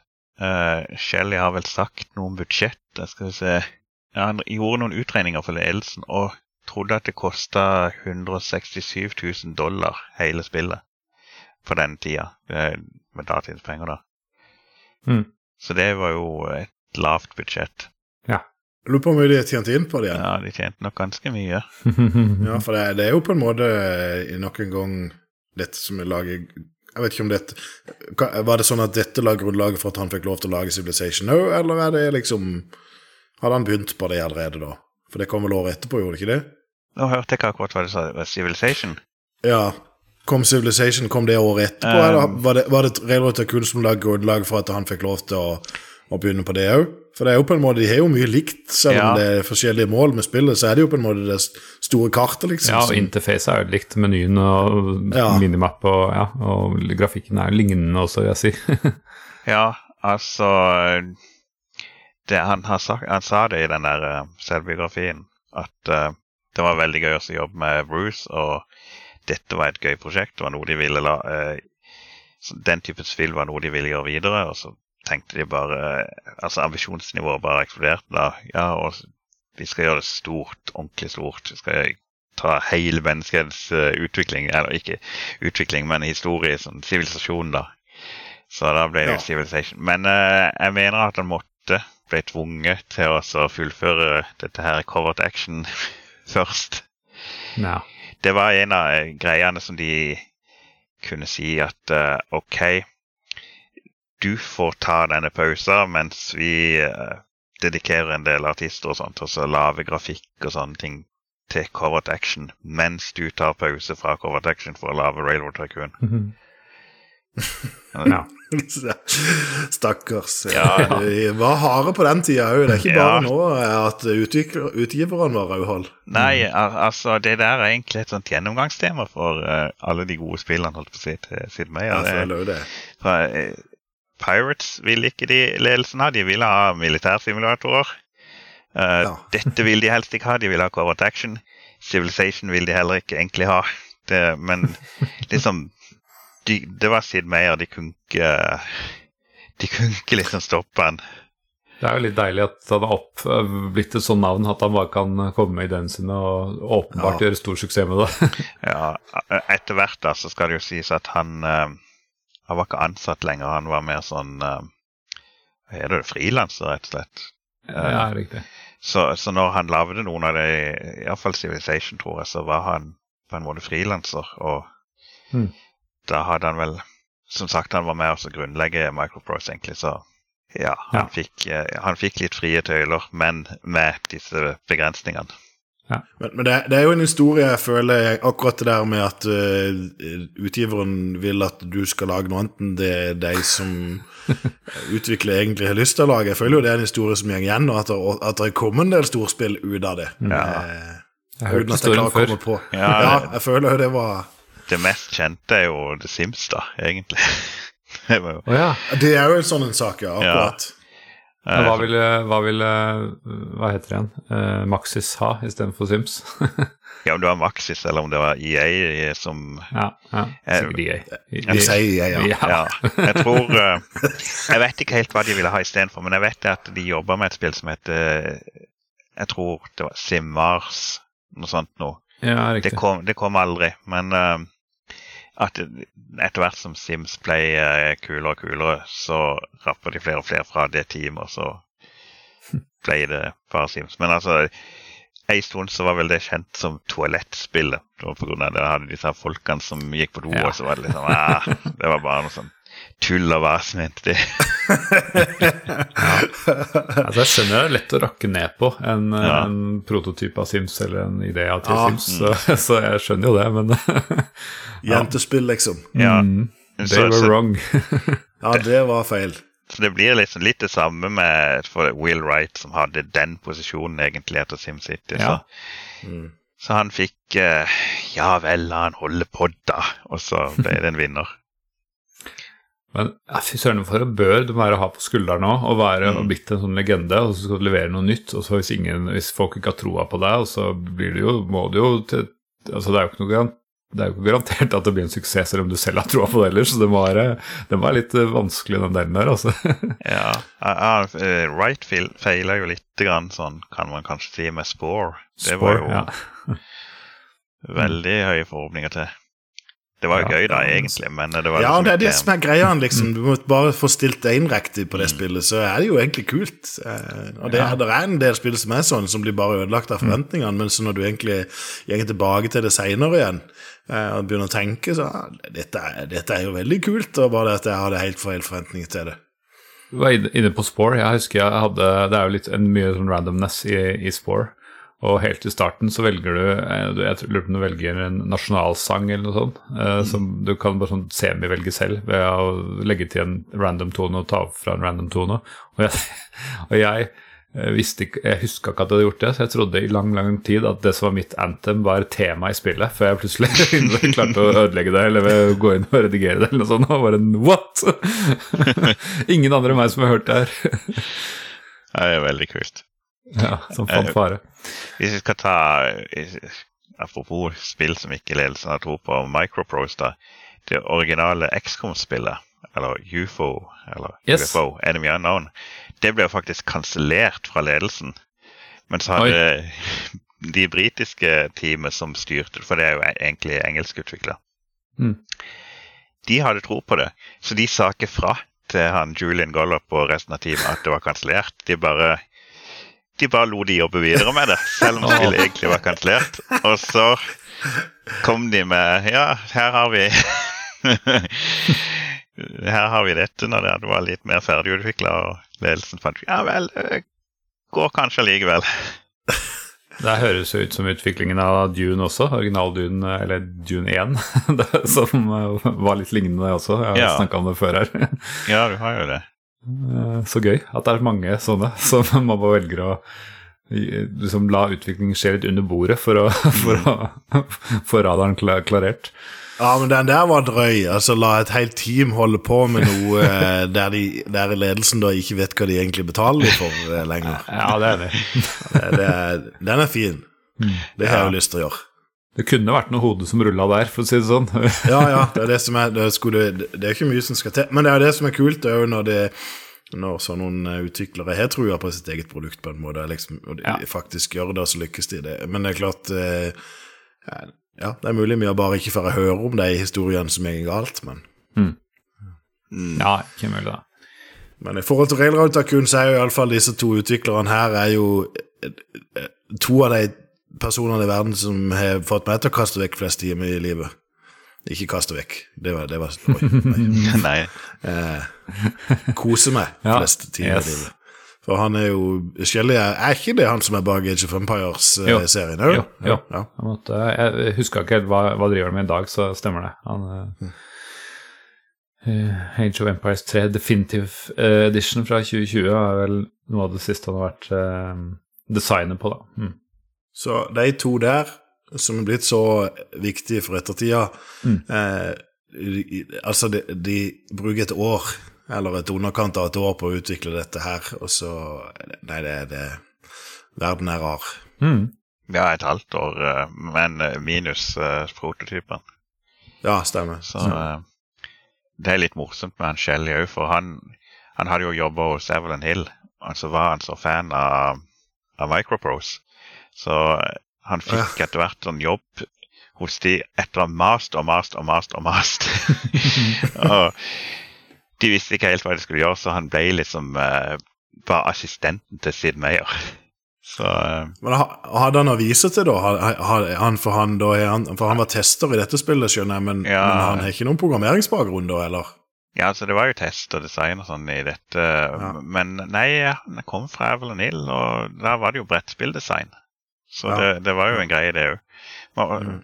Ja, det var vel testing. Jeg tror han hadde testa noe flysimulator som Sid Meyer hadde lagd og som Ja. var veldig sånn uh, Han var veldig fornøyd med det han hadde gjort, da. Skjønner. Ja, du holdt på å si spillmekanikken fungerer jo likt i et brettspill, og du må jo virke der og være gøy der òg, så ja.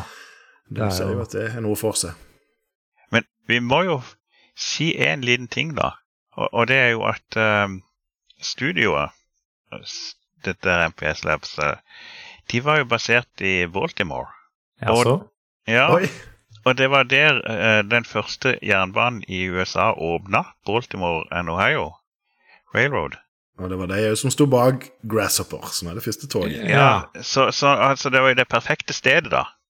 Å drive litt research på et togspill. Jeg skulle til å si det, for det er kanskje de rett og slett bare tok litt li- lokalhistorie og lagde et uh, spill ut av det. Fikk kanskje sikkert litt lokal presse på gratis PR også i lokalmiljøet. Det kan hende. Jeg tror Firaxis uh, også er Baltimore, faktisk. Ja, da er det Er vel det er jo ikke noe veldig stor by, det? er det det? Nei, kanskje det. Det er bare det at vi Ohio. Ja, de er i Baltimore. Uh, så tipper jeg Jeg tipper flere av de der uh, X-Firaxis og X-Microprose-folkene er i Baltimore. Så ja, Mm. det, det er en, rik, eh, en by rik på spillutviklere som lager strategispill. Ja, Mm. gøy. Eh, det som jeg tenker på, er jo Som vi ikke har nevnt Eller vi har nevnt det mange ganger, men vi har liksom ikke godt snakka noen ting detaljert om det. Det er jo alle, alle de ufattelige Nesten spin-offene og sånne ting som er kommet her i etterkant. Vi snakker om Transport ganske mye som er blitt som en slags mal for hvordan sånne spill skal være. Eh, men det er jo uendelig mange andre, blant annet et eh, Red Road 2, da, som ikke Sid Meier har vært, og ikke Bruce heller, tror jeg, har vært involvert i. Eh, men det var jo et veldig kult spill, faktisk. Jeg, jeg, jeg må innrømme at eh, det har jeg ikke spilt siden jeg vet ikke, var det 98 eller iallfall slutten av 90-tallet at det kom. Eh, men det hadde òg en sånn sjarm over seg. Litt mer sånn der eh, brunt i grafisk, holdt jeg på å si, som kledde den eh, perioden med mye eh, damp på en fin måte. Men jeg husker ikke så mye av det nå, men jeg, det er jo de samme konseptene og det er sånne ting eh, som var i det spillene der. Og det husker jeg fikk mye skryt, og det kom òg til Jeg vet ikke, jeg skjønner ikke hvordan folk klarte å styre, styre sånne spill, men det kom ut en del, ut, ut en del konsoller i tillegg. Jeg husker at jeg, har- jeg tror jeg hadde en kompis som hadde et Dreamcasten, faktisk. Men jeg, Altså, jeg får vondt bare å tenke på folk som skal spille sånne spill på konsoll. ja, ja, ja, ja. Ja. Jeg lærte jo eh, forleden her med en pakke jeg kjøpte, at eh, PlayStation 1 hadde mus som det gikk an å få, så du kunne spille Command Conquer med. Det var et sidespor. Men i alle fall, så da, da forsto jeg mer at det var mulig å få til. Ja. Um, men, eh, men det er jo masse av disse spillene her. Det er en Railroad to Coon 3, uh, som jeg egentlig ikke vet uh, noe som helst om. Nei. Uh, det kom vel i en periode der jeg antageligvis ikke hadde en data som var egnet til å spille på. Det er som regel det det handler om når jeg hopper over noen sånne ting. Men så Sid Meier har jo også lagd uh, Sid Meiers Railroads. Ja, stemmer. Stemmer. Ja. Det er litt Når kom det ut? 2008, noe sånt? 6? Jeg tror noe sånt. Ja. Jeg, jeg har jeg... Det husker jeg var litt gøy, men, men det, er, det er litt med dette vi kommer tilbake For meg så er det med alle disse spillene her som kommer litt tilbake til at de bygger på akkurat de samme konseptene. Mm. uh, som det for meg, da, Open TTD eller Transportøkuren har er jo egentlig nesten perfeksjonert. Ja. ja. Eh, så så det, det er liksom Det er gøy, og så får du sjekka litt hvordan det funker, og så er det Ok, jeg kan egentlig godt gå tilbake igjen og spille noe som jeg er skikkelig god til, heller. Det er liksom litt som når du prøver Jeg har spilt mye Dota 2 i de senere årene, og så skal jeg av og til prøve noe annet eh, som dukker opp, ikke vel, noe League of Legends eller et eller annet sånt, så greier ah, ah, det var gøy, dette her, men jeg kan jo det andre, så hvorfor skal jeg bytte, liksom? Det, det er for likt. Ja. Nei, Det var veldig mye gode poeng du har der med at det er så mye etterfølgende spill som blir enten for likt eller for eh, Ja. Det har lagt så godt grunnlag. Dette var et spill som jeg ikke var, aldri ble noe god til, ikke mestra så mye, i motsetning til f.eks. Transport Tycoon. Eh, Men jeg husker at faren min var veldig glad i Railroad Tycoon. Og jeg tror ikke, han var motsatt. Han var sverga til det. Jeg tror han spil, kanskje spilte oppfølgeren òg, men eh, ja, så jeg vet ikke, jeg appellerer kanskje til litt forskjellige folk. Ja, men jeg, jeg, altså, tror jeg Nå vet ikke jeg nøyaktig alder på dere, men som sagt, jeg var fem år da dette spillet kom ut i 1990, og jeg, jeg, jeg spilte det definitivt ikke da, men noen år etterpå gjorde jeg. Eh, og da var det for komplisert, men det er det jeg merker at etter hvert som jeg har blitt eldre eh, og spilt sånne spill i etterkant, så var det det kule med dette var nå var å komme tilbake og kjenne at dette var jo veldig kjent. For det første så fordi jeg kjenner spillet fra jeg var liten, men alle tingene som jeg ikke kunne da, det skjønte jeg med en gang nå. Ja. Eh, Rett og slett fordi at det er så likt som alt annet i samme sjanger. Det er sant, det. Du har lært deg på en måte spill eh, strategier som er definitivt år til- ført tilbake til, til dette. Og det, da ga det meg en ja, iallfall en fornya respekt for det som ble Ja. gjort på det tidspunktet. Så jeg syns det var utrolig gøy å, å, å ta en revisit på dette spillet nå. Imponerende. Jeg er enig i det. det og, men det er jo liksom Det er jo samtidig det som også gjør at spillet Altså, når jeg spilte det i 2019 sist, spilte det ganske mange timer, og jeg hadde det ganske gøy. Men jeg kunne like godt spilt uh, noe nyere, fordi at eh, Mm. eh, det, er så likt de nye spillene, og samtidig så er det Det er ikke til Ja. å komme unna liksom det at uh, tida har gått. Grensesnitt uh, har blitt litt bedre på 30 år. Ja, du må gjøre de samme tingene på en mer clunky måte, liksom. Ja, det, det, det blir ja. sånn. Og 64 kilobyte med ramme var ikke nok, som Nei. en viss person sa. ja, det, famous last words, det der. ja. Nei, Vi skal straks tilbake til om det har holdt seg og sånne ting, som vi nesten holdt på å skli over til nå. Men først tar vi en liten titt på sosiale medier. Og skal vi se Twitter, Facebook og Blue Sky har jeg posta det på denne gangen. Det var ikke kommet noen på Blue Sky. Så den, eh, de er velkommen til å joine oss der, de som eh, har hoppa på det toget. Ha-ha. Ennå. Men skal vi se. Hadde du en av de andre opp, eh, Erlend? Ja, på uh, Twitter så er det en. Det er Lasse X, som har noen gode minner fra denne. Han spilte den utrolig mye på min Acer eh, 910. Eller kanskje 910, jeg vet ikke. Det var iallfall en 286 med 20 megabyte harddisk på 80-tallet. Men han kunne ikke ha spilt det på 80-tallet, for da var ikke spillet kommet ut. uh, men han hadde aldri kunnet så mye som om tog som da. Har skaffet meg en kopi av spillet nå igjen til min Amiga. Bø. Jeg har beveget meg over til eh, Facebook, hvor eh, først Stian Mæland skriver Hva er oddsen for dette? Dro opp Railroad Tycoon i går. Har ikke spilt dette da, dessverre. Så bare sånn co coincidence at den eh, var på samme spillsjanger.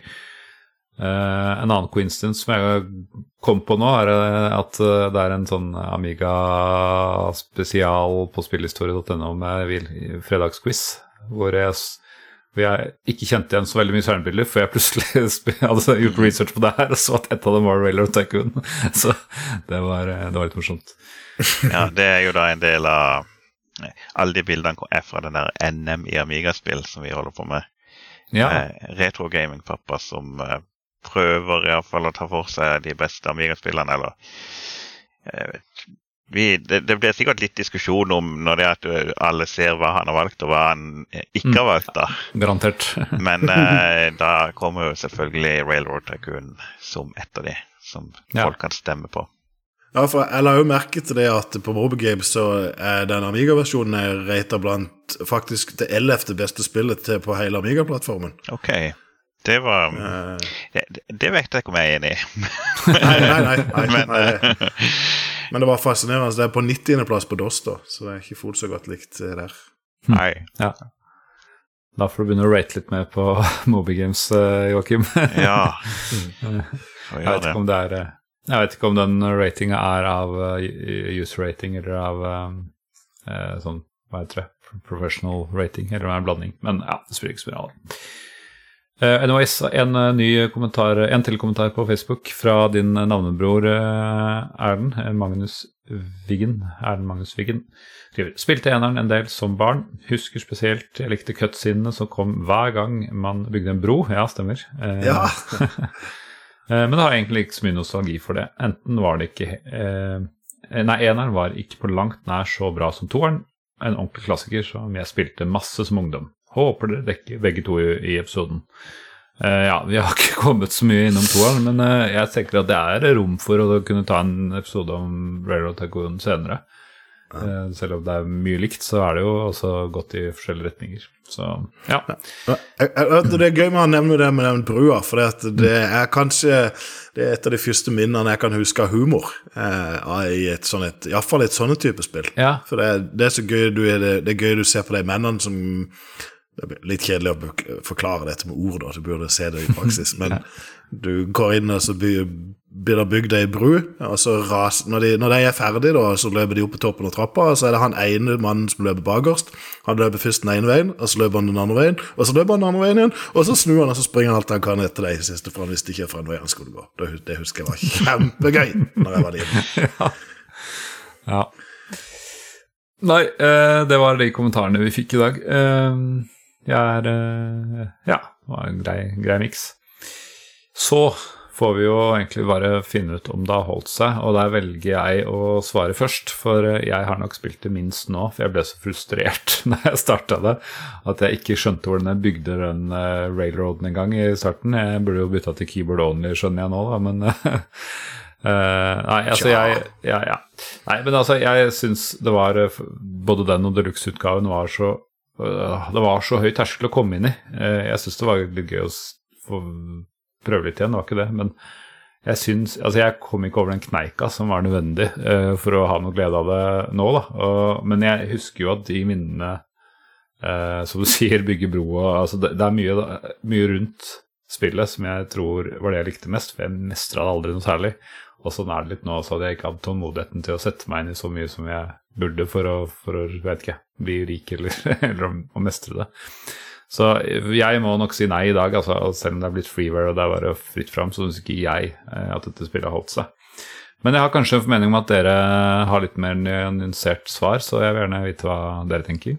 Ja, jeg bare Jeg sa det jo egentlig litt i stad, at jeg, jeg syns det har holdt seg på det viset at det var gøy å spille når jeg Mm.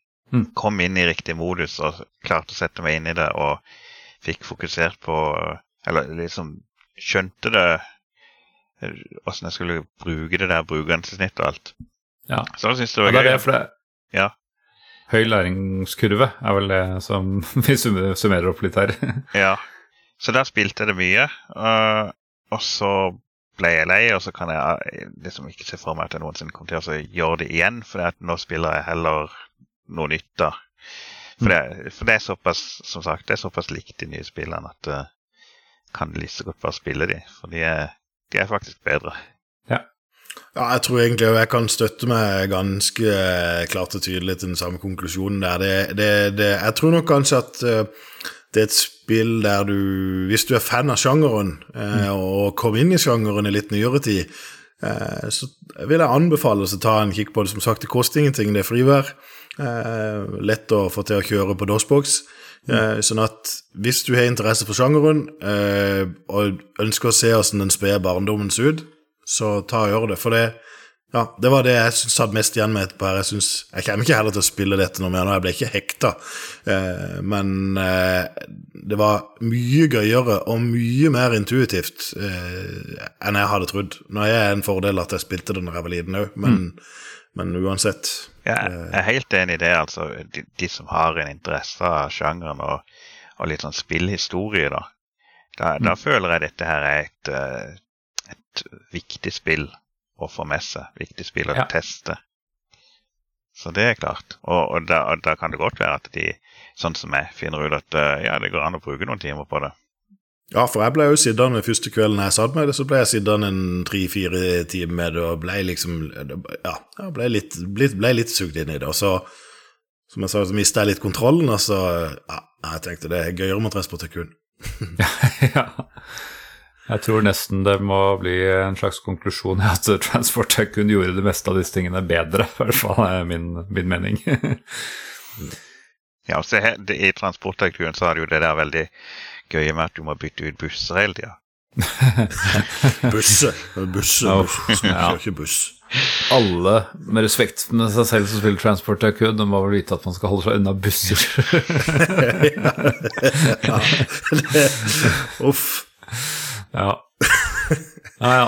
Men eh, ok, da har vi tatt det. Vi eh, prøvde å hinte litt om det finnes noe tilsvarende i dag. Eh, og jeg har ikke gjort nok research til å gå så veldig dybden i. Altså det. Vi kan jo nevne sånn som for åpenbart Transport Tycoon og OpenTDD og Railroad Tycoon 2 og 3 og Locomotion og diverse. Men jeg har ikke klart å unnta Transport Tycoon og OpenTDD, så har ikke jeg klart å finne noe som appellerer til meg.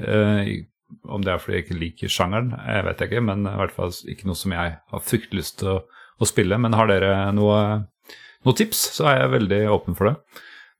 Det er jo iallfall sabla mange å ta av her. Ja. Det er, det, uh, men jeg har ikke det, Og jeg, de appellerer på en måte til meg, men det, vi havner i den samme greia at som voksen så vet en at hvis en begynner med et sånt et spill, så, så, så går timene fort, og det, det, fungerer ikke når ungene er små. Eh, men, men, både Industry Giant-serien har jo absolutt ting å plukke for dette. Vi snakket jo allerede om eh, at, da, at eh, laget det sjøl, denne Railroads-saken eh, mm. som kom Eh, Chris Sawyer òg, som holdt på med Transporttycoon. Han lagde en Locomotion ja. i 2004. Eh, det vel, men det som ligner kanskje mest, det er vel Railway Empire. Ja. Eh, for det, det, er virkelig det, Der er det virkelig mye likt. Det har jeg bare sett litt på, det appellerte, men jeg, jeg tørte ikke å begynne på det. um, og så kanskje Devde Factorio, eh, ja. som har veldig mange av de samme eh, mekanikkene i hvert fall som gjør at uh, sånne spill er gøy. Mm. Automatisering og produksjon og uh, så, Og så er det jo tog i det spillet òg for frakting. Ja, nå er ikke toget det, morsomste delen av spillet, bare for å ha sagt det. Er helt, det er helt rett. Men, men jeg føler du, du, spiller på de samme strengene. Absolutt. Sånn. Ja, ja. Jeg må jo da trekke frem ett spill i den sjangeren som jeg liker ganske godt. Det heter uh, Transport Fever 2. Ja, det er gøy, ja. Okay. Det er jo ja, det er jo akkurat samme. mm. bare, det er jo åpenbart um, Transporttycoon de har på en måte etterligna, men det, det, er veldig kult. Og ja, som du sier, så er det jo et sånt spill som du setter det ned med, og så har det gått 20 timer. Mm. Så um, ja, Det er så synd at det er bare sånne spill som det som er virkelig gøy. Mm. Hvorfor må alle gøye ting ta så lang tid? Ja.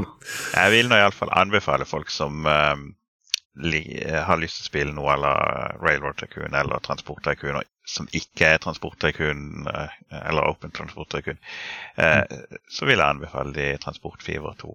Ja, det er jo et eh, sabla godt tips hvis man vil ja, som, som, du sier, kaste, ikke kaste bort, men, uh, men uh, risikere skilsmisse og, og omsorgssvikt og sånn, så er det åpenbart uh, noe man kan hoppe inn i.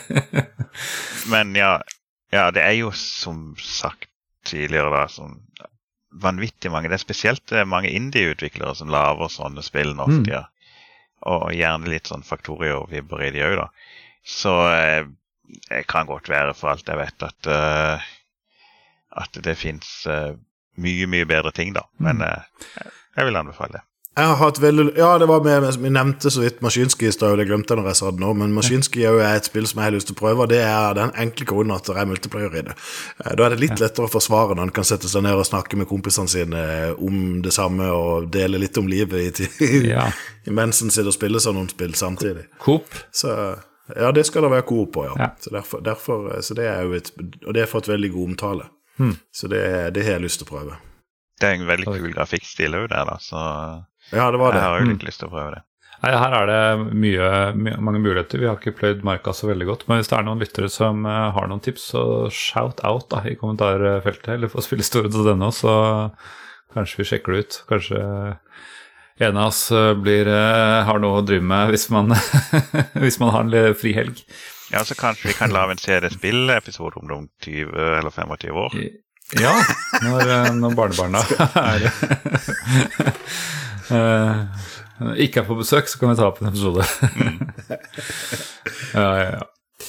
Nei, jeg må bare si tusen takk for flott innspill fra ja, ikke både vår vikar eh, Erlend Fiddan, som eh, tipsa om at Railroad Tycoon er spillet vi bør ta, ta for oss. Eh, og selvfølgelig Joakim Froholt, som alltid har masse å spe på med på både i spillhistorie.no og, og nå også live i CD-spill. Tusen takk for at jeg fikk lov å komme. Det var som vanlig, ikke som vanlig, for andre gang mm. svært gøy. Jeg kan jo nesten si som vanlig, da. Det var gøy. Ja, du, du, har lov til det. Men eh, ja, jeg håper ikke det blir siste gang på Erlend heller, for det er eh, kjempehyggelig å ha deg med. det var bra, takk. Eh, så da er vi en gjeng. Jeg pleier jo å avslutte med hva som er neste spill. Grunnen til at jeg ikke gjør det nå, er fordi nå har jeg gått tom for Shouta shout Altså, jeg spurte er det noen som vil være vikar, som har noen tips hva jeg kan ta. Og så nå har jeg plukka alle fire eller hva det er, siden sommerferien som har sagt fra, så jeg har ikke huka inn noen nye nå, men eh, jeg skal nok klare å uh, finne på et spill innen to uker, så får du se hva det blir. Og så håper jeg at når Sigurd er tilbake, så blir det gode gamle dager. Da blir det nok en eller annen kjempestor uh, noe, han, elsker, tenker jeg, så det blir bra. Men er, alle dere vikarer har gjort en kjempegod jobb, og det er intet unntak i dag, Erlend. Og veldig takk til deg også, Joakim, som sagt. Så All right. Ha det bra. Ha det bra.